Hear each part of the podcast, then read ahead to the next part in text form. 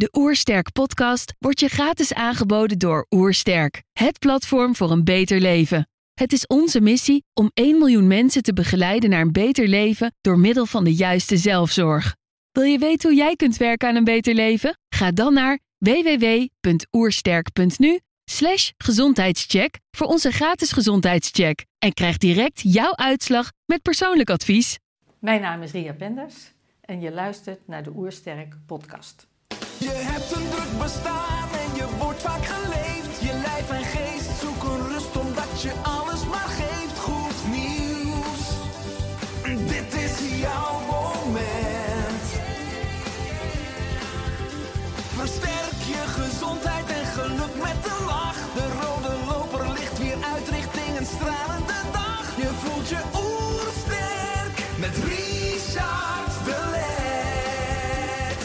Zijn hier in Heemskerk voor een podcast met Ria Penders. Ria is orthomoleculair diëtist volgens de psychoneuroimmunologie. Ze is mede-auteur van het kookboek Oegondisch Genieten. Ik ben benieuwd naar haar tips voor een beter leven. Trouwens, geniet je van onze podcast? Abonneer je dan en laat een reactie of review achter. Zo help je ons om het gezondheidsvirus te verspreiden. Let's start. De Oersterk Podcast. Een ontdekkingstocht naar een beter leven. Ria, welkom. Nou, dank je. Ik Leuk. lees op je website al vanaf begin jaren 70 heb ik mij verdiept in de ecologische voeding, complementaire geneeskunde en het gebruik van voeding als therapie. Kun je deze weg toelichten? Ja, ik, eh, ik heb me altijd al geïnteresseerd in, in voeding. Eigenlijk voor die tijd al. Ik wa- was zelfs op de, op de basisschool, vroeger lagere school, had ik al een schooltuintje. En als puber heb ik eh, heel veel eh, eten gekookt thuis. Een gezin van, met vijf kinderen.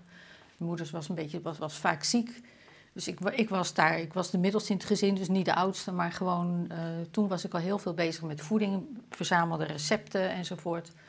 En uiteindelijk ben ik dan de diëtetiek gaan bestuderen. En dan, eh, ja, dan eh, kom je meer te weten over voeding. Alleen op die opleiding heb ik niet geleerd wat ik, eh, wat ik eigenlijk wilde leren. Wel een stuk basis gehad en van daaruit ben ik verder gegaan op zoek naar de echte voeding die je ook echt als therapie kan gebruiken. En waarvan ik dan nog steeds regelmatig heel verbaasd ben. Tjonge, wat kan puur voeding al met iemand doen? En dat vind ik echt fantastisch. Ja, boeit me nog steeds. Ja, kan het is natuurlijk aan de ene kant hartstikke logisch. Hè? Hippocrates zei al van laat voeding uw medicijn zijn en uw medicijn uw voeding. Eh, welke inzichten heb je in dat eh, proces opgedaan hè, vanaf de jaren zeventig? De inzichten die je niet per se geleerd hebt in de diëtiek. Nou dat je dus echt voeding als therapie kan gebruiken. Weet je, voeding hing, eh, hing er een beetje bij. En, maar het, het, het kan zo verschrikkelijk veel veranderen in, in iemand zijn, eh, zijn systeem, in, in gewoon het leven. En je hebt, eh, eh, zoals je ziet hoe, hoe er ongelooflijk veel fabrieksvoedsel er nu ook gebruikt wordt, dat werd daar in de diëtetiek ook gebruikt. Vroeger maakten we nou, ik maak best vaak vergelijkingen met vroeger. Op, op schep, maar op school heb ik nog geleerd hoe je een zondevoeding bijvoorbeeld zelf kan maken. Nou, dat komt nu helemaal niet meer ter sprake. Dat je gewoon gaat kijken van, nou, wat kan je uit de, uit de basisvoeding halen om iemand weer eh, met de nodige beperkingen, zeg maar, toch, toch weer eh, ja, te helpen en gezonder te worden. Maar dat, dat stuk, het, is eigenlijk ook heel, allemaal heel technisch geworden en veel en uit elkaar gehaald, geanalyseerd, zoals met heel veel voedingsmiddelen eh, gebeurt. En dan denk ik van ja, als je nou puur gaat kijken met basisvoeding, wat kan ik daarmee bereiken? En dat is uiteindelijk ook waardoor wij eh, ja, mens zijn geworden en, en ook gezond kunnen blijven. Ja, want je, als je gaat kijken dus naar voeding als medicijn, eh, je gebruikt voeding ook als therapie. Kwam dat ook terug dan in, bijvoorbeeld in het samenstellen van de zondevoeding? Bestond het ook alleen maar uit gezonde ingrediënten? Want ik kan me herinneren wat ik vaak hoor vroeger van dat vrouwen of meisjes naar de huishoudschool gingen. Leerde je ook natuurlijk heel veel met, wij spreken met bloem en met suiker. Dat was helemaal niet per se oervoeding en, en voeding als medicijn wat je daar leerde om je gezin te onderhouden. Dus, dus, dus is er uiteindelijk in de voedingsleer ook een kanteling gaande vanuit wat optimale voeding is voor ons als mens? Nou, je ziet heel langzaam aan dat er wel steeds meer eh, toch aandacht besteed wordt aan, aan gezond eten. Dat je ja, gaat het hele voedingscentrum, eh, dat, het was 200 gram groente, nu mogen we toch iets meer eten. Vroeger moest je vijf tot zeven boterhammen eten. Nou, dat trekken ze een beetje bij, dat je toch iets minder koolhydraten moet eten. Dus je ziet heel langzaamaan wel een verschuiving. Maar het blijft gewoon nog steeds dat de light producten en de zoetstoffen, weet je, dat zijn nog steeds producten die behoorlijk gepromoot worden. Dan denk ik van ja, daar hebben we niks aan. Ja, dus het is ook vechten tegen grotere commerciële krachten. Uh, nou, wat ik mooi vind, uh, wat er ook op je website staat, dat je altijd bezig bent met individueel therapieadvies. En daarvoor gebruik je voeding, uh, leefstijladviezen en voedingssupplementen met als doel om het zelfgenezend vermogen van het lichaam te stimuleren en het verstoorde evenwicht weer te herstellen. Uh, kun, je, kun je voorbeelden geven van voeding of leefstijladviezen die een positief effect hebben op het zelfgenezend vermogen? Ja, nou, ik, ik heb bijvoorbeeld uh, ja, interessante dingen ook met dat mensen in, in vrij korte tijd toch gewoon dingen die verstoord zijn geraakt herstellen. Bijvoorbeeld ook bij kinderen zie je dat soms heel goed. Uh, dan krijgen ze een, een tijdje geleden ook zo'n kindje die dan helemaal onder de huiduitslag zit en nou, huilen en dit en dat. En dan ga je kijken van wat eten ze nou. En dan blijkt dat, dat zo'n kindje eigenlijk ja, met name boterhammetjes krijgt met jam en dat soort dingen. Dan denk ik, ja, dan voed je niet uh, het, het lijf. Dus het, het lijf kan ook niet zelf genezen. Dus als je dan de voeding gaat veranderen van je moet dan toch meer eiwitten en de goede vetten. En natuurlijk moet je nog wel koolhydraten eten, maar ga dan groente eten. En in, dat, dat, bevat toch best wel veel meer basisstoffen. Dan voed je dat lijf. En dan zie je dat zonder zalfjes of wat dan ook, dat die huid zich ja, dan ook weer herstelt. En dat vind ik ja, gewoon fantastisch. Ja, en dan specifiek in dit geval van het kind, wat heb, is je advies geweest dan qua variatie in plaats van altijd maar boterhammen? Twee keer een warme maaltijd. Per dag? Ja. Ja, ja want eh, het is natuurlijk interessant uh, dat als je zegt van een kinderlijf zou niet bijvoorbeeld twee keer per dag uh, boterhammen moeten eten, want het is niet eigenlijk de optimale voeding voor het kinderlijf, zeker in ontwikkeling. Als je kijkt naar een gemiddelde broodrommel op een uh, basisschool ja. of in kinderdagverblijven of in crèches, maar ook zelf in het ziekenhuis, als je naar de broodkar ja. kijkt die gewoon iedere ochtend en iedere middag door de gangen gaat en op de zalen komt. Uh, dat is vooral heel veel brood, brood, brood. En ook denk ik heel veel mensen die luisteren of kijken, die zullen zeggen, oei, maar ik heb eigenlijk ook, dat heb ik aangeleerd, ik eet twee keer per dag brood bij mijn ontbijt en bij mijn lunch. Wat zou, je, wat zou daar een eerste praktische uh, stap al in kunnen zijn om ervoor te zorgen dat je andere alternatieven hebt in plaats van brood? Ja, dan kan je van die mooie uh, het hangt natuurlijk vanaf hoe de situatie is. Hè. Met kinderen op school tegenwoordig best lastig want die krijgen maar een kwartiertje de tijd om te eten.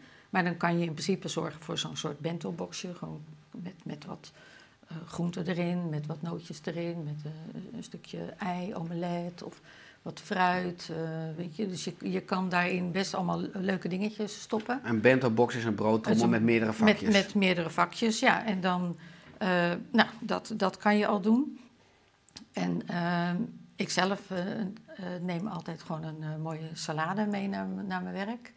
En nu ik zeker in die coronatijd natuurlijk alleen maar thuis gewerkt, nou dan maak ik dat gewoon thuis. En dan in die salade zit dan, hè, dat is dan niet een paar blaadjes sla met een tomaatje en een komkommertje. Maar dat is dan afwisselend allerlei groenten, van spitskool, Chinese kool, venkel.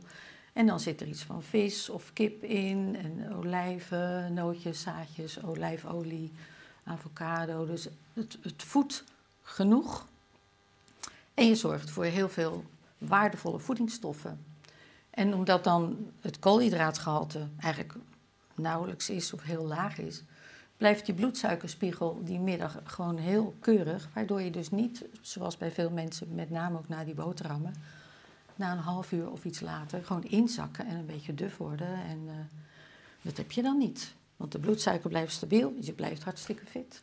Ja, want als je kijkt dus uit mens in de evolutie, dan aten we eigenlijk nooit dus boterhammen met chocoladepasta, met hagelslag en met jam. Want eigenlijk zijn het beide natuurlijk bewerkte suikers en koolhydraten die, die insuline en die glucose, die bloedsuiker uit balans brengen. En daardoor eigenlijk die bloedsuikerdipjes, die zorgen ervoor dat, dat je dus minder concentratie en focus hebt. Je krijgt weer trek in, dus, in, Ja, in, in eten. trek, Of een ja. koekje of eh, een tussendoortje. Ja.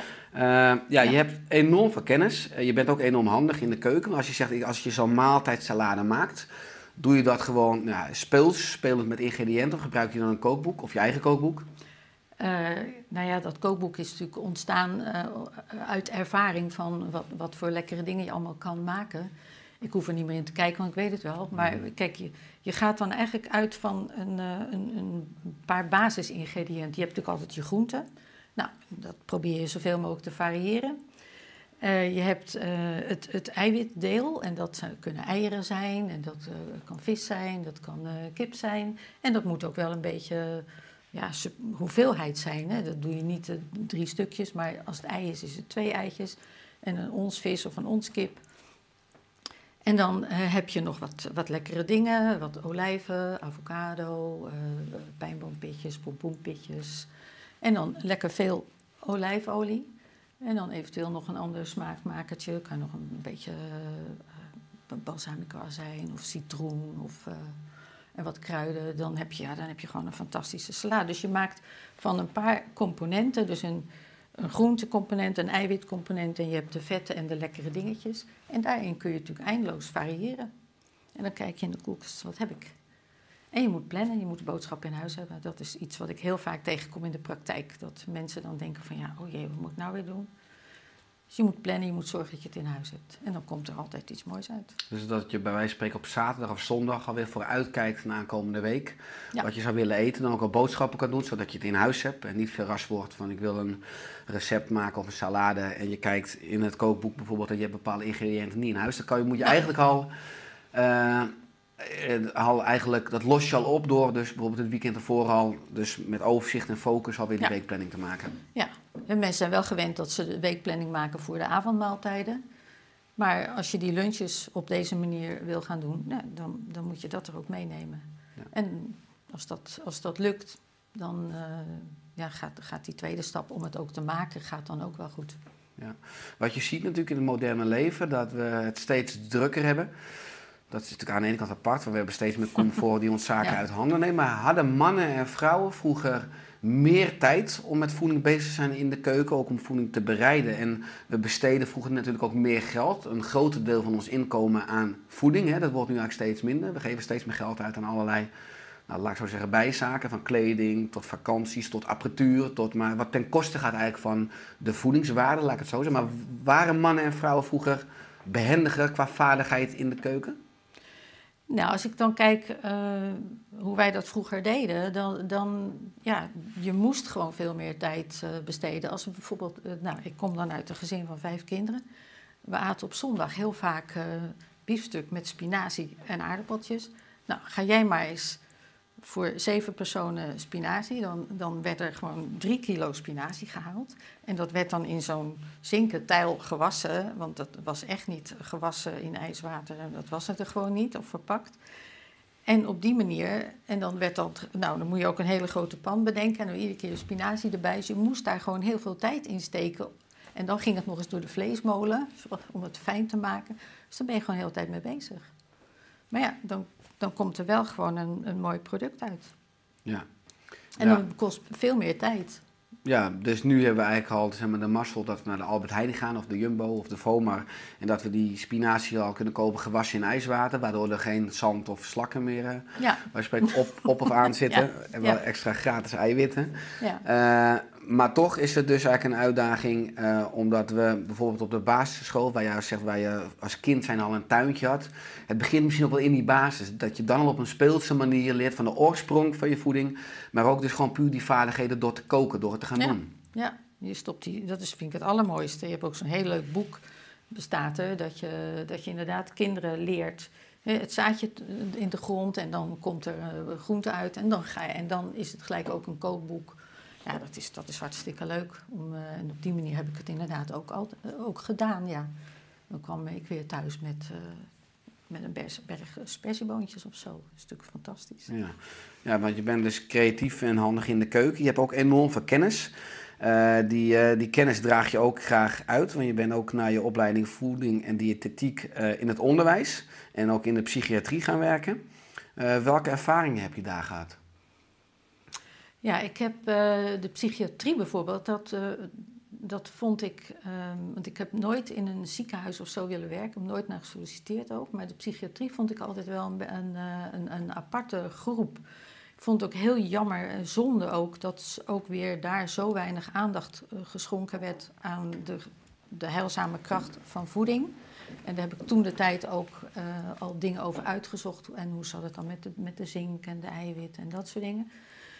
Eh, maar ik, ja, ik, en, het- was natuurlijk ook heel anders dan zoals dat nu is. Maar ik vond, ik, op de een of andere manier heb ik daar altijd toch wel een beetje affiniteit mee gehad. En denk dat daar, van daaruit ook wel mijn interesse is gekomen om, om ook eh, ja, de, de, de, de geestelijke kant van, van de mens om die ook, dat die ook zoveel effect kan hebben van een gezonde voeding en, en eh, suppletie. Dat is echt verschrikkelijk zoals daar gegeten werd. Ja, dus dan zit je- super interessant. Ja, in de psychiatrie, mensen krijgen daar natuurlijk veel medicatie. Ja. Wat je zegt, het voedingspatroon eh, stond dan misschien vaak haaks, als je kijkt ook vanuit alle kennis die er nu is, wat vitale voeding voor het brein is. Hè? Vitale bouwstenen om bijvoorbeeld ook al die neurotransmitters, die hormonen in de hersenen goed aan te kunnen maken. Ja. Eh, want wat is goede, vitaal breinvoedsel? Nou, dat is vooral ook ja, die omega-3 vetzuren, m, maar ook eh, de, de, de B-vitamines, maar natuurlijk ook de eiwitten. Dat is, dat is natuurlijk ook overal heb je die nodig om, om eh, dat hersenweefsel eh, op te bouwen. Maar die, en, en die omega-3 vetzuren, ja, die communicatie is natuurlijk superbelangrijk. Om, En als ik dat vertaal naar mijn bord, dus ik wil nu eigenlijk een bord maken met vitaal breinvoedsel, hoe kan het bord er dan uitzien? Dan een, een mooi vet visje.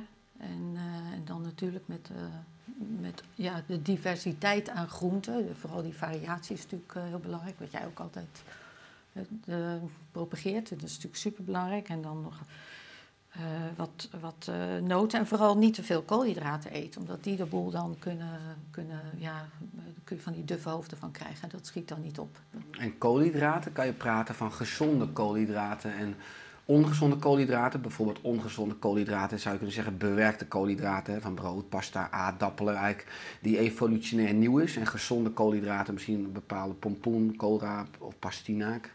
Ja, in principe is natuurlijk, eh, de, je, moet, je moet wel best wel koolhydraten eten ook. Maar het liefst heb ik die zoveel mogelijk eh, uit, eh, uit de knollen en de bollen van, de, van de, de groenten. En eh, over het algemeen zeg ik ook, weet je, een maaltijd eh, eh, ziet er mooi uit ook.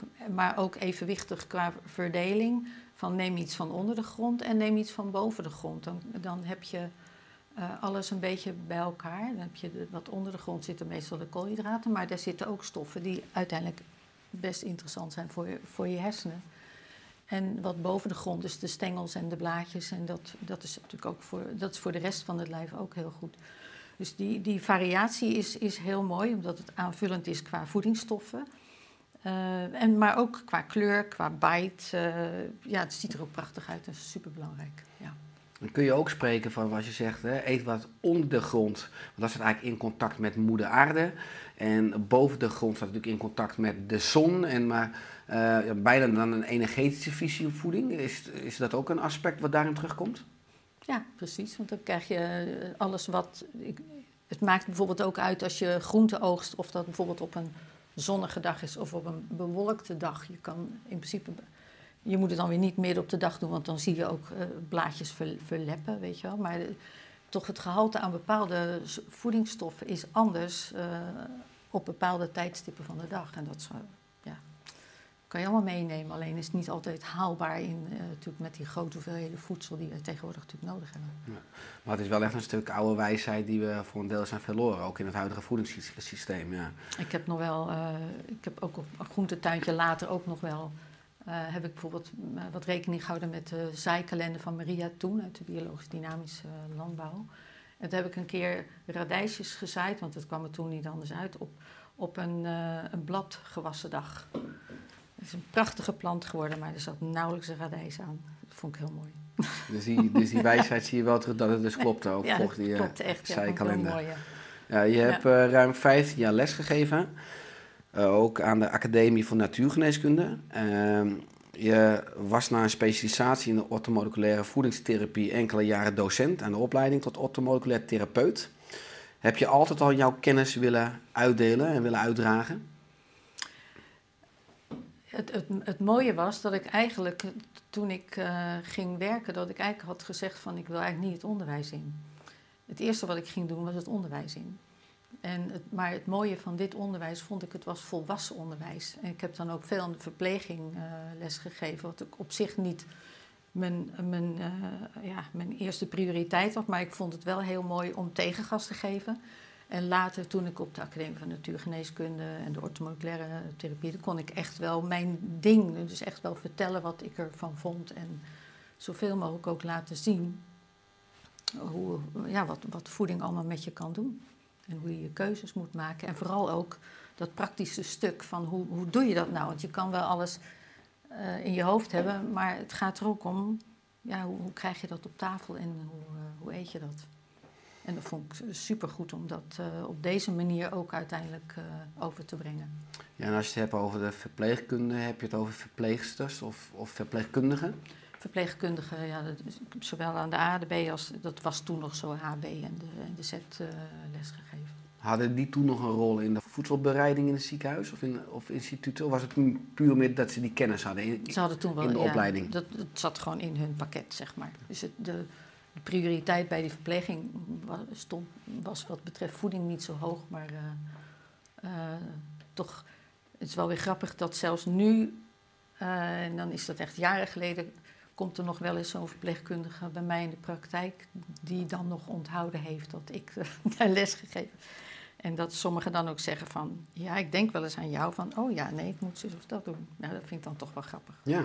Ja. Maar het zou natuurlijk fantastisch zijn als de dromer in mij doordenkt en dan denkt in het ziekenhuis, zo'n verpleegkundige aan je bed die uiteindelijk je situatie uitvraagt en ook al een beetje dan aanvoelt van persoonlijk op maat, oké, dan ga ik aan de keuken doorgeven dat ze iets meer dit voor je moeten maken of iets meer omega-3 vetzuren, iets hogere eiwitten, ook wat, wat voeding met zink qua, qua, qua wondheling, maar dat zou de geneeskunde van de toekomst zijn natuurlijk. Want ik lees ook op je website, voeding neemt een centrale plaats in omdat het stoffen aanlevert die alle biochemische processen beïnvloeden. En dan het liefst hoogwaardige, biologische voeding die vers is en zo min mogelijk bewerkt. Nou, dan denk ik natuurlijk ook, ja, je trapt natuurlijk een hele grote open deur in. Maar we hebben natuurlijk jarenlang een beetje de leiding van de natuur overgenomen. Van we doen het zelf wel, we kunnen het zelf beter in fabrieken. En eh, we kunnen met calorieën zijn we gaan spelen en met nou, kunstmatige Ja. voeding. En nu gaan we veel meer weer de leiding teruggeven aan de natuur. En zie je biologisch weer helemaal hip worden. En ook volwaardige natuurlijke voeding. Eh, ja, hoe komt dat dat we eigenlijk de natuur, dat we daar ook een tijd afscheid van hebben genomen. En dat we dat nu weer veel meer herintegreren? Ja, hoe dat, ik, dat, dat is best wel lastig. Je hebt eh, om te zeggen van ja, hoe, hoe komt dat nou? Ik, ik, ik, ik loop zo al een tijdje mee en, en die periode van 1970, dat was ook zo'n periode. Dat, dat, we, eh, eh, dat we het ecologische denken. Toen ben ik ook verzeild geraakt bij De Kleine Aarde. Toen zo'n fantastisch project, eh, ecologische voeding, zonnepanelen, van alles en nog wat. Echt, eh, echt het, het, eh, het, het ecologische kringloopsysteem. En, eh, en dat was natuurlijk fantastisch en dat had ook al heel, eh, best heel veel volgelingen. Maar al die, eh, de computer, de, de, pff, het was er allemaal niet. En nu, dat vind ik wel weer mooi, dat we nu weer in zo'n zo'n golf eh, zitten. En dat die golf nu veel meer kan, zich kan verspreiden door eh, al, die, al die media die we nu hebben. En dat, dat, social dat vind, media, dus ja. al die, dat vind ik zo, dat vind ik wel weer, weer mooi. Alleen ja, goed, is hier ook alweer de nodige uitwassen in ontstaan. Maar, ehm, en ik denk ook, ik, dus, dus het kan nu meer effect hebben, dat sowieso. En het feit dat, dat we dus met z'n allen op, op, ja, dat met zoveel mensen en dat je dan steeds ook eh, te maken hebt met eh, die gifschandalen, eh, die, die multinationals die dan, een paar van die multinationals die zoveel te vertellen hebben en die dan van alles, ja, weet je, dat Monsanto gedoe, ik vind het echt vreselijk hoe dat allemaal eh, in elkaar steekt. En, uh, nou komen er steeds meer eigenlijk dingen die, die commerciële partijen onder tafel wilden houden. Of gebrek van ethiek komt boven tafel. Dus mensen ontwaken, mensen worden steeds bewuster. Gaan vanuit onderaf ook andere voeding eisen. Lees andere voeding kopen. Omdat ze ook steeds meer gaan zien en snappen dat je bent wat je eet. Precies. Dat, dat, en, en, ja, en dat je dus zo verschrikkelijk... Uh, voor de gek gehouden wordt. En uh, als het maar draait om die rotcenten en, en de gezondheid van de mensen. Dan je, voel je ook, je ziet het ook, er wordt steeds meer die relatie gelegd tussen bepaalde gezondheidsklachten en ook voeding, het welvaartsvoedsel. Dus, dan, dus uiteindelijk krijgt dat een beetje podium en dat is ja, echt heel belangrijk. Ja, je noemt Monsanto, hè, maar wat zouden mensen, ook als ze luisteren nu of kijken, echt vanaf vandaag eigenlijk al niet meer moeten eten of mee, mee mogen stoppen? Wat heeft het lichaam echt totaal niet nodig, wat nu wel veelvuldig wordt aangeboden? Eh, heel veel fabrieksvoedsel. Dat is eigenlijk, als je dat al laat, maar voor het knor, deel... honing, pakjes, zakjes bedoel je dan? Uh, ja, frisdranken, vruchtensappen? Ja, dat soort dingen. Als je dat al laat, dat, dat scheelt al zoveel. Want als je een basisvoedingsmiddel, wat in principe mooi is, naar de fabriek brengt, dat gaat altijd ten koste van de voedingswaarde. En er wordt altijd iets aan toegevoegd wat niet oké is. Er wordt altijd iets van zout of suiker of verkeerde vetten of, of andere rare stofjes toegevoegd. dus je maakt het altijd ongezonder. Ja, dus het wordt armer aan essentiële gezondheidsbevorderende stoffen. En het wordt rijker eigenlijk aan negatieve stoffen met een soort dooreetfactor, waardoor je het product eerder op is, het product eerder koopt. Uh, maar met uh, op de lange termijn echt een negatief effect op je vitaliteit. En daarmee ook eigenlijk op de zorgkosten als je kijkt maatschappelijk. Uit, uiteraard. Ja. Uh, je hebt een praktijk, je ziet naar mensen met heel veel verschillende soorten klachten. wat voor klachten zie je het meest? Ik zie ontzettend veel mensen met vermoeidheid. En, en, dat kan natuurlijk allerlei oorzaken hebben. En ook met ja, ze hebben ook best heel vaak tekorten aan bepaalde vitamines. Maar die vermoeidheid, ook heel veel kinderen, allergieën en, en natuurlijk de bloedsuikerproblematiek, hartkwalen. Maar vermoeidheid is iets wat er bovenuit steekt en wat natuurlijk met, van alle, met, met allerlei dingen te maken kan hebben. Ja, en welke ontspoorde mechanismes vind je dan vaak die dus bijdragen aan een energietekort? Dat, dat is dan ook heel vaak die, die voeding. Weet je, dat, dat ze uh, toch, uh, ja, uh, met bijvoorbeeld die lunches waar we het al eerder over hadden, dan zie je dat daar bijvoorbeeld al energie kan uh, door ontstaan. Omdat mensen dan alleen brood eten, bedoel je? Ja, dat, dat die, als je de middag al zo inzakt, dan heeft dat gewoon effect op de rest van de dag ook. En dan kom je er eigenlijk niet meer. Dat is eigenlijk doodzonde. Ja. En ehm, eh, de, de darmen, dus dat is natuurlijk ook heel vaak aan elkaar gekoppeld. Die darmen ze knappen ook heel vaak op als je gewoon zoveel, zo min mogelijk die gluten eet. Gluten die dan de, de eiwit uh, in, de, in de boterham, in de tarwe, en, uh, maar ook in spelt en zo zit. Dus dat, daar, heel, veel mensen hebben tegenwoordig daar echt heel veel last van. En worden er moe van of ze krijgen er heel veel opgeblazen buiken van. Dat zie ik natuurlijk ook heel veel. Dus als je dat al laat, scheelt dat uh, al, een, uh, al een heel stuk. Ja. Ja, want mes snijdt eigenlijk aan twee kanten. Enerzijds zeg je, mensen die moe zijn hebben vaak onvolwaardige voeding die onvoldoende energie levert. Anderzijds zitten er stoffen in, waaronder gluten, die eigenlijk het darmslijmvlies irriteren, die het immuunsysteem in de darm kunnen activeren. Het immuunsysteem kost veel energie, dus dan ga je veel energie die kant op en dan word je ook weer moe van. Dus eigenlijk snijdt het mes dan aan twee verkeerde kanten. Ja. En die mensen gaan aanpassingen doen, dus onder andere in voeding. Ja. En dan zie je die energiehuishouding eh, weer Die zie je verbeteren. gewoon verbeteren. Maar goed, je moet natuurlijk ook kijken, er is ook tegenwoordig heel vaak die stress. Weet je, we, maken ons natuurlijk, uh, ja, we moeten ons veel te druk maken. Dat is ook weer het mooie van de corona. Uh, dat je aan de ene kant krijg je wel weer stress als je te, veel geïsoleerd bent.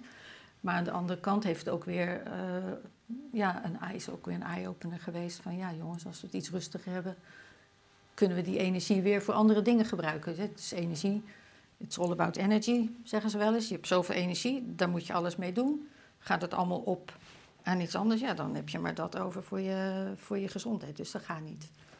En dat is erg belangrijk en dat zie je ook overal in terugkomen. dat, dat mensen gewoon veel, ja, veel, veel te veel doen, waardoor te weinig energie voor de gezondheid overblijft. En als mensen worstelen eigenlijk met het moderne leven, het maken van hè, waar kies ik voor en prioriteiten stellen, wat zijn dan adviezen die je cliënten geeft op het gebied van hè, hoe kun je nou uh, ja, je energiemanagement beter bewaken? Um, dat is, uh, ik heb daar zelf soms ook moeite mee hoor, maar uh, in ieder geval zorgen dat je ook ruimte en tijd overhoudt om vooral ook in de buitenlucht te zijn, te bewegen. met name ook in natuurgebieden zijn, dan kan je, komt in je, in je hoofd ook meer rust. Dat is super belangrijk. Dus dat stuk. De dagen uiteraard niet te, niet te vol maken. En, en ook met die, met die voeding. Wat natuurlijk mijn ding is in principe. Dat als je dus gezonder eet. Dan kun je daar ook meer energie uithalen. Wat uiteindelijk ten goede komt aan je totale evenwicht. Ja, dus ga naar buiten toe. Uh, ga de natuur in. Het bospark. Uh, plan je ontspanning in je agenda's of ja. voldoende ontspanning. En ook uh, verander dus, uh, vitaliseer je voedingspatroon, zodat je daar ook veel meer energie uit krijgt. Om ook die eerste twee stappen dan ook makkelijker vol te houden. Ja. als je naar de mensen kijkt in je praktijk, hebben die vaak ook van jou inspiratie nodig voor. in ieder geval, wat, wat maak ik nou voor ontbijt? Wat maak ik voor lunch? Geef je mensen recepten mee of voedingslijsten? Ja, ik heb inderdaad, uh, een van de belangrijkste dingen is van je kan natuurlijk van alles vertellen, maar je moet de praktische handvatten geven. En dat is echt super belangrijk. Dus vroeger gaf ik dan hele lijsten mee, totdat ik op een gegeven moment uh, uh, eraan toe was van ja, weet je, dan moet er een boek komen. En toen hebben we gewoon het boek, dat Oergondisch Genieten, gemaakt. Oh, en daar hebben mensen nog steeds, het is al best al, al een wat ouder boek, maar het is even goed. Nog steeds geeft het heel veel handvatten aan mensen met gewoon puur basisvoeding aan de slag te gaan. Ja. En dan nog hoor, weet je dan ook, wat jij net ook zei vroeg over die, over die lunches en zo. Nou, dan geef ik dat ook nog, heb ik een apart blaadje ook voor van, nou, hoe moet ik nou een mooie eiwitrijke lunch samenstellen? Dat, ze dat, dat geef ik sowieso altijd dan mee, dan uh, hebben ze ook al hoop aan. Precies, ik kan me ook voorstellen als mensen dus moe zijn, dat mensen ook niet per se heel veel energie hebben om uiteindelijk zelf op zoek te gaan naar uh, creativiteit en variatie in de keuken. Dus dan hebben ze gewoon van jou een houvast wat ze kunnen volgen. Ja, maar vooral ook, uh, mensen zoeken het vaak uh, in een veel te ingewikkelde hoek. Of heel veel recepten die, die je kan lezen overal, zulke rijen aan ingrediënten. En dan, dan denken mensen al meteen van ja, dag. Dus je moet het zowel simpel houden. En, en simpel hoe is niet verkeerd, weet je. Dat is juist gewoon heel goed. Kun je een voorbeeld geven van een simpel ontbijt? Een heel simpel ontbijt is, is gewoon dat je wat uh, fruit eet of een avocado met wat, wat nootjes erbij. Prima. Prima, gewoon voldoende. Ja. En uh, nee, je hebt een simpele lunch heb je genoemd qua salade, hè? dat samenstellen of een omelet of mogelijk. Of een omelet maken, ja. Of, of uh, je hebt een, een groentepuree soep en dan eet je er ook iets eiwitrijks bij, zoals kip of vis of eitjes. En s'avonds, ik heb weinig tijd, vanavond bijvoorbeeld, maar ik wil toch gezond eten. Wat zou ik dan kunnen maken? Nou, als ik van tevoren weet dat ik weinig tijd heb, dan zorg ik dat ik de dag daarvoor bijvoorbeeld uh, kip voor twee dagen gemaakt heb. En dan kom ik thuis en dan hoef ik dat op te warmen. En dan eet ik er een, een, eh, een andere groente bij, bijvoorbeeld broccoli. En als ik, als ik toch iets meer tijd heb, pak ik nog een bataatje erbij. Nou, dan heb ik eigenlijk een fantastische maaltijd. Ja, dus dat is fantastisch wat jij zegt. Als je de avond ervoor al extra veel kookt, dan kan je dus al anticiperen op een dag erna en dan, uh, dan, dan heb je daar een hele makkelijke, snelle, gezonde maaltijd. Ja. Want, nou, ik zei al, uitdaging in het moderne leven. Als ik kijk naar, uh, we hebben een soort culinaire armoede maatschappelijk als ik kijk op verjaardagen en op feestjes. Ik schrijf in mijn eerste boek Oersterk, uh, 2012, schrijf ik van, ja. als mensen een verjaardag vieren en je kijkt op tafels, dan staan daar borrelnoten van duivis, chips. Nou, je krijgt uh, slaromtaart, bomvol uh, suiker van de Hema. Uh, en sommige mensen vinden me een azijnpisser, maar dat accepteer ik dan. Maar, dus ik schrijf daar een beetje grappen van we vieren het leven op een verjaardag. Maar de voeding die mensen dan met z'n allen nuttigen, maakt de kans eigenlijk kleiner om weer een jaar ouder te worden. Hè? Dus ik, ben, ik wil mensen graag prikkelen. hoe kan het nou dat we ook als je kijkt bijvoorbeeld op uh, basisscholen bij NOAH met tractaties, dat we die culinaire armoede hebben op, op verjaardagen en met feestjes en met tractaties. Hoe is dat erin geslopen? Dus eigenlijk ook weer, uh, weet je, we zijn meer gaan doen. Eh, ook, ook eigenlijk weer, weet je, mijn moeder heeft nooit een baan buitenshuis gehad, omdat al die tijd ging ook aan die kinderen. En wij vrouwen zijn natuurlijk ook gaan werken, maar er is ook vanuit de, vind ik, vanuit de, de fabrieken gepropageerd, weet je. Wij doen het wel even voor jullie. Dan hoeven jullie niet in de keuken te staan. Terwijl het eigenlijk, dan, dan gaat iedereen de smaakjes van, van de fabrikanten. Uh, weet je, dat wordt dan ook wel zo gemaakt dat, dat, dat je dat uh, prettig vindt of zo. En dan krijg je die verarming dat iedereen diezelfde tapenade lekker vindt. Terwijl als je dat elke keer net even een beetje anders maakt, is eigenlijk veel leuker. En dat, dat ja, het, is aan twee kanten. We hebben dus wat minder tijd gekregen, maar aan de andere kant, ja, ik vind gewoon. Ik besteed gewoon tijd aan mijn eten. Belangrijk. En, uh, en ook, ook lekker en leuk en ontspannend. En aan de andere kant wil, wil die fabrikant ook gewoon zijn geld verdienen. Want als, als er dan weer gezegd wordt, weet je, koolhydraten laag. Nou, wat zie je dan weer? Dat een fabrikant koolhydraatarme koekjes op de markt brengt. Dan denk ik van ja, daar heb ik helemaal niet om gevraagd. Hoeft voor mij niet. Ik maak mijn eigen salade wel. Ja. Ja, dus enerzijds laten we ons een beetje in de luren leggen door de industrie, omdat zij ons tijd uit handen nemen. Dus het kost ons minder tijd. Aan de andere zijde is het misschien ook een beetje een financieel. Want als je echt uh, natuurlijke, gezonde hapjes maakt, ben je vaak wel iets meer kwijt dan als je die ongezonde rommel koopt. Want, die, want die, grondstoffen kosten niets. Hè? Dus als je zeker 30 man een visite krijgt. En je koopt bijvoorbeeld, je woont in Heilo, maar in, in, uh, in, in Sensa is een lunchstore in Alkmaar waar we graag komen. En als je daar echt zo'n goede uh, uh, ja, biologische taart koopt met een goede ingrediënt, dan betaal je 42 euro. Die kopen we dan graag. Maar dan haal je met gemak 20 stukjes uit, misschien wel 25 stukken. Dus dat is ook interessant als je anders drie ja. HEMA's niet hebt. Hè? Maar dan heb je wel goede ingrediënten. Ja. Maar het is ook wel een beetje financieel dan iets dat mensen misschien dan financieel misschien niet de juiste prioriteiten hebben. Ja, weet je, je verkijk je gauw op dat als je inderdaad zo'n gezond product koopt, dat daar een prijskaartje aan hangt. En logisch ook.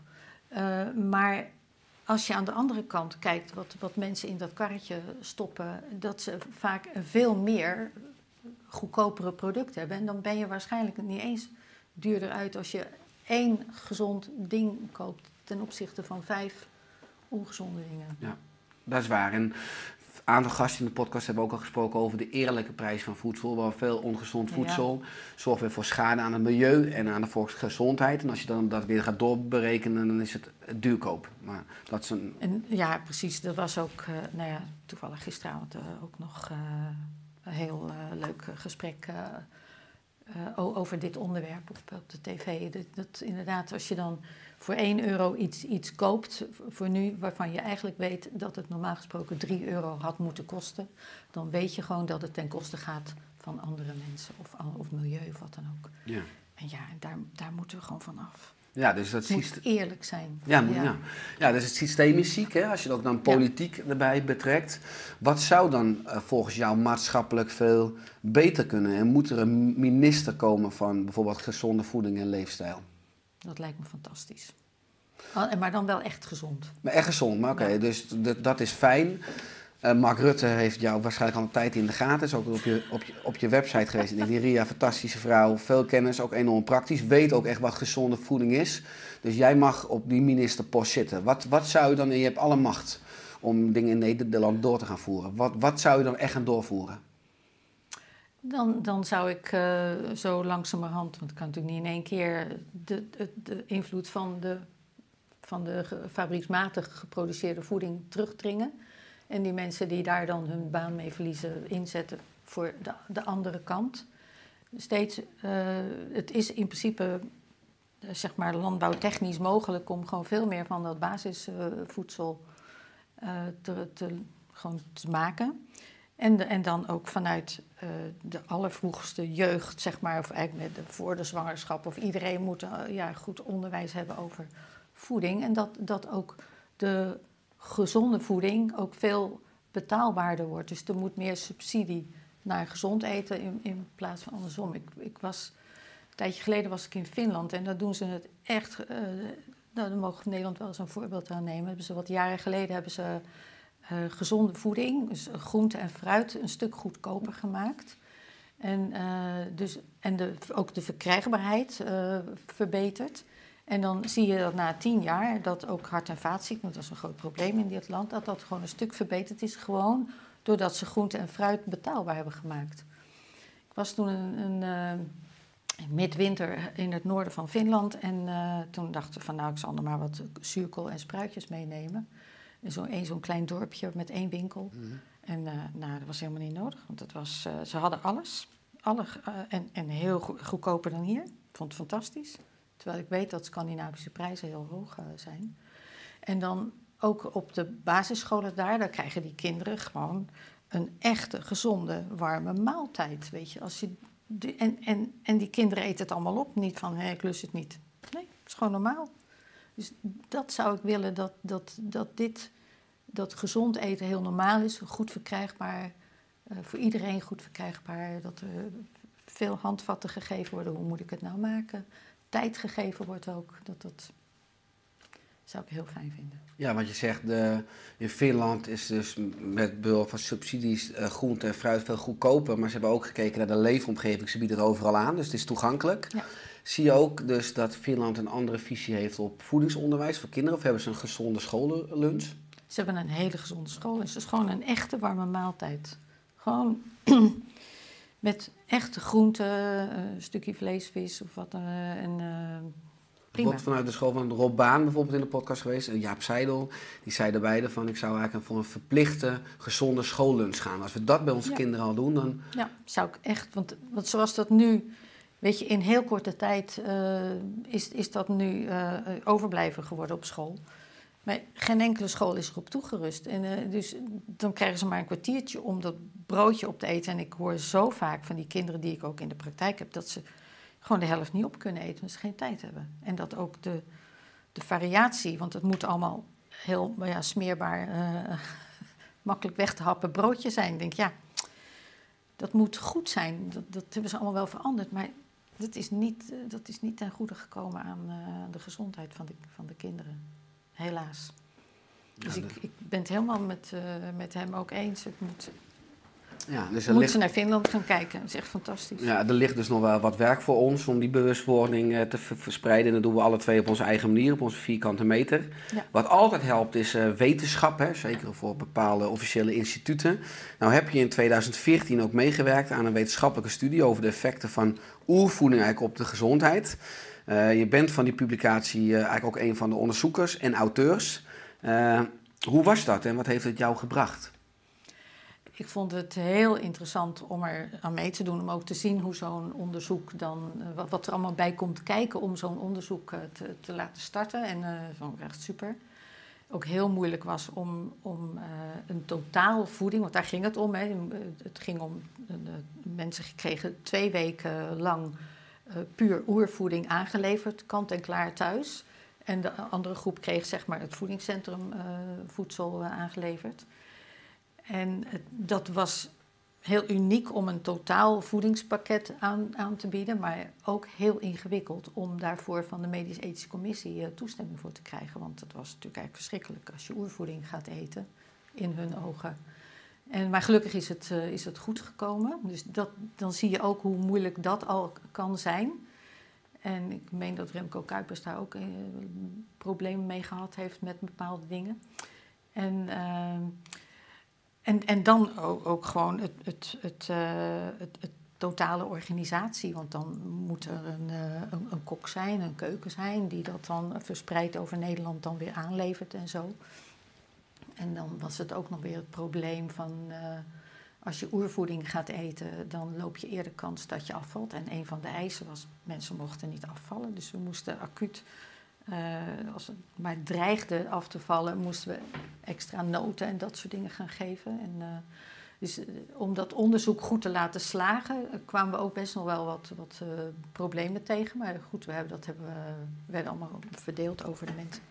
Dus ik vond het echt heel interessant om, eh, om mee te doen, om te zien wat er allemaal bij komt kijken. En dat was, ja, we verwachten natuurlijk ook een positieve uitslag. En dat was natuurlijk ook zo. Maar wat waren de uitkomsten onder andere? Nou, zelfs in die twee weken eh, tijd zag je dat, eh, nou, dat bij iedereen eigenlijk dat, dat buikvet afnam. De middelomvang werd minder. Ja, en dan dat, dat ze fitter werden. Eigenlijk iedereen werd fitter. En dus ook, eh, en dus ook de, de strijd om niet af te vallen, dat was voor nu eigenlijk even lastig. Ik had iemand in mijn groepje, supervisiegroepje, had ik, die, eh, die dan... eh, die had in geen, geen jaren meer echt goed geslapen. En na drie dagen sliep ze gewoon hele nachten door. Ik ja, nou ja, dat soort dingen. En dan het cholesterolgehalte ging naar beneden, de bloeddruk ging naar beneden. De- al die dingen waren verbeterd. Dat was echt fantastisch. Dat waren ook de dingen die we mochten onderzoeken. Mochten niet, eh, we hadden wel meer willen onderzoeken, maar er was gewoon geen geld voor. Maar merk je dat je naar aanleiding van het onderzoek ook meer uitnodigingen krijgt om bijvoorbeeld eh, presentaties te geven over dus voeding en het effect op gezondheid? Nou, niet, niet naar aanleiding van dat onderzoek eigenlijk. Dat is ook best wel weer jammer dat die onderzoeken dan gepubliceerd worden in een wetenschappelijk tijdschrift. En dat leest natuurlijk niet het overgrote deel van de bevolking. Dus, dus, dat, dat, dus dat, eh, het wordt wel regelmatig aangehaald en ik zie het ook regelmatig. eh, iedere keer als er dan weer gelezen wordt of gebruikt wordt, dan eh, krijg ik dat door. Maar dat, dat effect heeft het dus niet gehad. Kijk, het is natuurlijk wel zo dat, dat dit alles zijpelt een beetje door, weet je. Dan, dan, eh, ehm, ik, ik ben ook meer van, vanuit die onderkant werken. En, en je ziet van Lieverlee gewoon steeds meer mensen daar geïnteresseerd in raken. Mensen geven het door. En dat, dat, dat werkt. Dat is dan weer mijn manier van. van eh, daar ben ik dan alweer heel blij mee, zeg maar, dat dat eh, gebeurt. Maar ja, het helpt natuurlijk altijd wel een beetje mee. Dat, toch dat besef dat wat voeding allemaal met je kan doen in zo'n korte tijd eigenlijk. Ja. Vind ik top. Maar het zet je misschien ook meer dan inderdaad op de wetenschappelijke agenda als je zo'n eh, zo'n eh, bijgedragen hebt aan zo'n wetenschappelijk Ja. onderzoek. Je bent auteur dan natuurlijk van eh, het boek Oegonisch Genieten, wat misschien wel aan de lokale of in de media natuurlijk wat aandacht krijgt, waardoor mensen uiteindelijk je beter weten te vinden. Merk je ook afgelopen jaren een soort omslag dat mensen je ook eerder benaderen, zeg maar, preventief? Of zijn het vooral dat mensen bij je komen met klachten? Is allebei wel. De meesten komen nog met klachten. En die klachten worden eigenlijk ook steeds eh, gecompliceerder. En eh, omdat ja, het hele leven is gecompliceerder geworden. Dus, eh, dus dan ben je ook best wel even, even bezig. Ehm, maar dat vind ik ook wel mooi om te zien. Dat ik, ehm, dat ik nu gewoon toch beter zeg maar, geaccepteerd word in dat mm, richting wetenschappelijk wereldje dan vroeger. Vroeger was ik echt zo'n geitenwolle sokken werd ik zo, ge- weet je, ik was een geitenwolle sokkendiëtist. En nu eh, word ik eh, best wel eh, gerespecteerd en dat vind ik wel heel fijn. Ja, maar was dat pittig ook eh, vanuit het perspectief als mensen je een beetje dus in de hoek douwen als geitenwolle sokken type? Nou, dat, dat vond ik natuurlijk best vervelend, om- omdat ik eh, gewoon zag eh, eh, wat, wat, wat voeding allemaal kon doen en wat je mee kon bereiken. En om dan daaronder geschoven te worden als eh, van, nou ja, ach, weet je, dan, dan denk ik, nou, dat vind ik gewoon doodzonde. Ik vind nog steeds doodzonde eh, dat, eh, dat voeding gewoon in, in de, de ziekenhuizen, gewoon bij de huisartsen. Je ziet dat het steeds beter wel, eh, wel gebruikt wordt, maar ja, dat het nog steeds een ondergeschoven kindje is, vind ik echt doodzonde. Ja, ik ben het met je eens dat er veel meer aandacht voor mag komen. Gelukkig hebben we dan de Vereniging Arts en Leefstijl, hè, die Ja. enorm veel bewustwording verspreidt. Je ziet dat steeds meer artsen en ook vooral huisartsen interesse krijgen voor voeding. Dus Ja. de revolutie is in volle gang. Maar eigenlijk staan die mensen, en ik natuurlijk ook een beetje op, op de schouders van reuzen, waar jij er een van bent. Zo te zeggen. Want je, zegt, je bent vanaf de jaren zeventig deze boodschap al aan het zaaien. En gelukkig kunnen we daar Ja. steeds meer van oogsten. Dat, dat is wel weer heel leuk, dat ik nu dat wel kan zeggen, ja, dat we aan het oogsten zijn nu. Als je het hebt over eh, wat je zegt, al die activiteiten. eh, nou, ik weet zelf ook dat de mailbox bijvoorbeeld hè, gaat s'avonds ook door naar een dagpraktijk. Eh, nou, je hebt wetenschappelijk onderzoek aan bijgedragen. Je hebt een kookboek geschreven. Nou, je bent altijd actief. Nou, je bent moeder, je hebt kinderen. Eh, hoe hou jij balans in je leven of in jouw dag? Eh, dat probeer ik, eh, soms lukt me dat ook niet, dat ik te veel met het werk bezig ben. Maar dan ga ik dus ook echt naar de duinen of het strand. Ik ben heel, ja, daar, daar woon ik vlakbij en dat vind ik echt wel heel erg belangrijk. En dan natuurlijk ook nog contacten met mijn vrienden en, en zo. En dan uiteraard het gezonde eten. Als ik dat niet zou hebben, dat gezonde eten, dat je dan, ja, dan ben je gewoon... eh, dat scheelt al heel veel energie, zeg maar. Maar ik heb echt die buitenlucht en, en de, de, de frisse lucht, de, de- het strand, dat heb ik echt nodig. Ja, je bent, Ja. zeg maar, dat gezond eten is bij jou al een routine, een automatisme geworden. Jij zegt ook de sociale voeding en ook zeg maar voeding van de natuur, door de natuur ook echt in te gaan. Eh, als je het hebt van sociale afspraken en de natuur in, plan je dat ook echt in je agenda of zeg je van dat is ook al een automatisme geworden? Nee, dat, dat, dat, nou in het weekend sowieso. En ik probeer dat door de week eh, ook eh, wel eh, zoveel mogelijk. dat moet ik wel een beetje plannen. Dan denk ik van, ja, nee, nou moet ik echt wel stoppen. En dat schiet er dan ook wel eens binnen. In hele drukke tijden lukt me dat dan niet altijd. Nee, dat is, dat is dan een beetje suf van mezelf, vind ik dan ook hoor. Dan Ja, dus nee, dat blijft- ga ik ook beter doen, weet je wel. Dat blijft een aandachtspunt. Ja, en s ochtends, eh, eh, als ik opsta, het eerste wat ik doe is Nederland in beweging. Heerlijk, lekker. Gewoon eventjes een beetje alles losmaken. En eh als allemaal vrolijke mensen staan dan eh, te springen en te doen. En dan doe ik vrolijk mee. Dat vind ik een hele fijne start van de dag. Ja, goeie tip en, Ja. en het is gratis. Hè? Je kan gewoon, iedereen kan aansluiten 's morgens. Ja. Ja, en dat doe ik op mijn eigen tijdstip. Hè. Ik ga niet om zes uur al, dat doe ik niet. Je kan het gewoon terugkijken, je kan hem gewoon, aanzetten. Ja, mooi, fijn. Als je het hebt over al die jaren, hè, ik open de podcast, hè, dat je al bezig bent vanaf begin jaren zeventig. Eh, wat is nou het gekste wat je hebt meegemaakt? Het gekste. Dat vind ik een lastige vraag. Zeg. Of het leukste of het meest waardevolle? Dat als je nou terugkijkt op die loopbaan en je zegt, ja, dit, dit is wel iets wat op mij impact gemaakt heeft. Ja, we- eh, wat, wat, waar ik heel veel mee bezig ben geweest, ook ehm, eh, waar ik ook he- eh, heel veel energie in heb gestoken, dat is met die eh, kinderen met eh, de ADHD en autisme en zo. En dat, is, vind ik zo, dat vind ik echt heel bijzonder, dat je ook daarin ziet wat voeding eh, met ze kan doen. En, eh, en dat. Eh, dat, dat bleef ik ook, dat is ook dat, dat psychiatrische verleden, weet je wel, waar ik, waar ik al heel, in, in het werken daarin vond ik al heel interessant. En dan zie je dat later ook terugkomen. Ik heb gewerkt bij een kleine GGZ-instelling waar voeding ook een rol mocht spelen in de therapie. En dan hebben we daar gezien, hebben we echt, wat, wat, als, als voeding dan eh, gebruikt werd, dan was de rest van de therapie ook ja, dat had meer kans van slagen. Dat was echt van, het was gewoon een eye-opening voor, eye-opener voor iedereen. Dat vind ik echt heel, heel bijzonder. Ja, wat je dus zegt bij kinderen met eh, ADD, dat veel kinderen ook een, eigenlijk een uitgehongerd brein hebben. En als je die brein dus de juiste voedingsstoffen geeft, dat eigenlijk Ja. het brein weer veel meer in balans komt. Eh, ja, fantastisch. Lijkt me ook echt mooi werk voor die kinderen inderdaad. En die zijn zo afhankelijk nog van ook de juiste zorg, ook op voedingsgebied. Ja, Ja. ja. en natuurlijk ook een, een eh, belangrijk punt dat ik dan, eh, weet je, als co-auteur van het Oergondisch genieten, eh, dat, dat stuk is natuurlijk ook een heel ja, speciaal stuk. Dat je dan echt ook zegt van, nou, ik wil die handvatten geven aan mensen. En dat uiteindelijk kan omzetten in een, eh, in een boek waar ook heel veel mensen heel veel plezier aan hebben, heel veel steun aan hebben gehad. Ja. Ja, mooi. Het boek slaat enorm aan. Het is natuurlijk altijd fantastisch. Ik weet zelf ook dat als je heel lang aan een concept of aan een boek werkt, wat je dan vooral op je scherm ziet, dat als je dan die vrachtwagen komt en die doos, die maak je open en dat je dat boek dan voor het eerst in je handen hebt. Ja.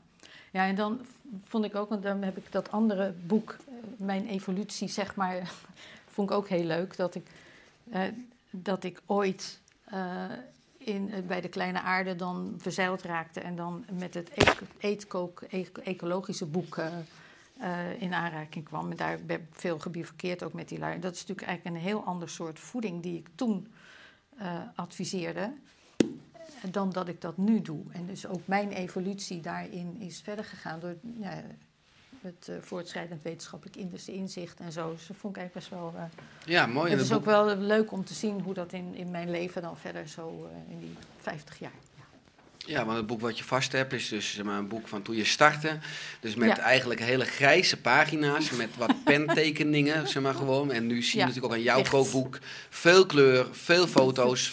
Ziet, ziet eruit, het, het, Ja. het water loopt je al in de mond, zeg maar, in de moderne kookboeken, wat je vroeger Ja. nog even iets minder had. Ja, Ja. Dus dat is best wel eh, leuk om dat zo te zien in de loop hele jaren, hoe dat gegaan is. Ja. Nou, Ja. wat, wat is je missie of je droom voor aankomende jaren?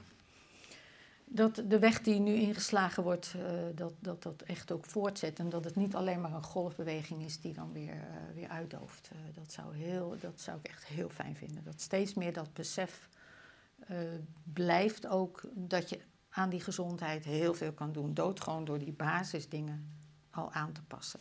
Echt gewoon puur basis. Ja, dan heb je dus over voeding, dan heb je het over leefstijladviezen en over supplementen. Ja. ja. Eh, is er aan het einde van de podcast nog iets wat je graag wilt toevoegen? Ik moet nog wat toevoegen. Nou, je hebt al een paar van die voorzetten gegeven waar ik het over. Ehm, eh, nou, in ieder geval vind ik het heel leuk om, eh, om, eh, om, om dit te doen. En, ehm, en het is eigenlijk ook een beetje nu aan het, ehm, nou, aan het begin van mijn pensioenjaren. Mijn praktijk eh, is nu overgedragen aan eh, collega Bo Schumacher. En eh, die werkt al een tijdje bij me. Dus, en ik blijf voorlopig nog als achterwacht. En, en, en ook gewoon advies ge- geven. Zodat het wel allemaal voort kan bestaan. Want dat vind ik wel heel fijn als, als alles wat, wat ik opgebouwd heb, dat het een, ook nog toekomst heeft. Precies. Dat... En wie, wie weet ga ik nog eh, wat artikeltjes schrijven of, of, of wat dan ook.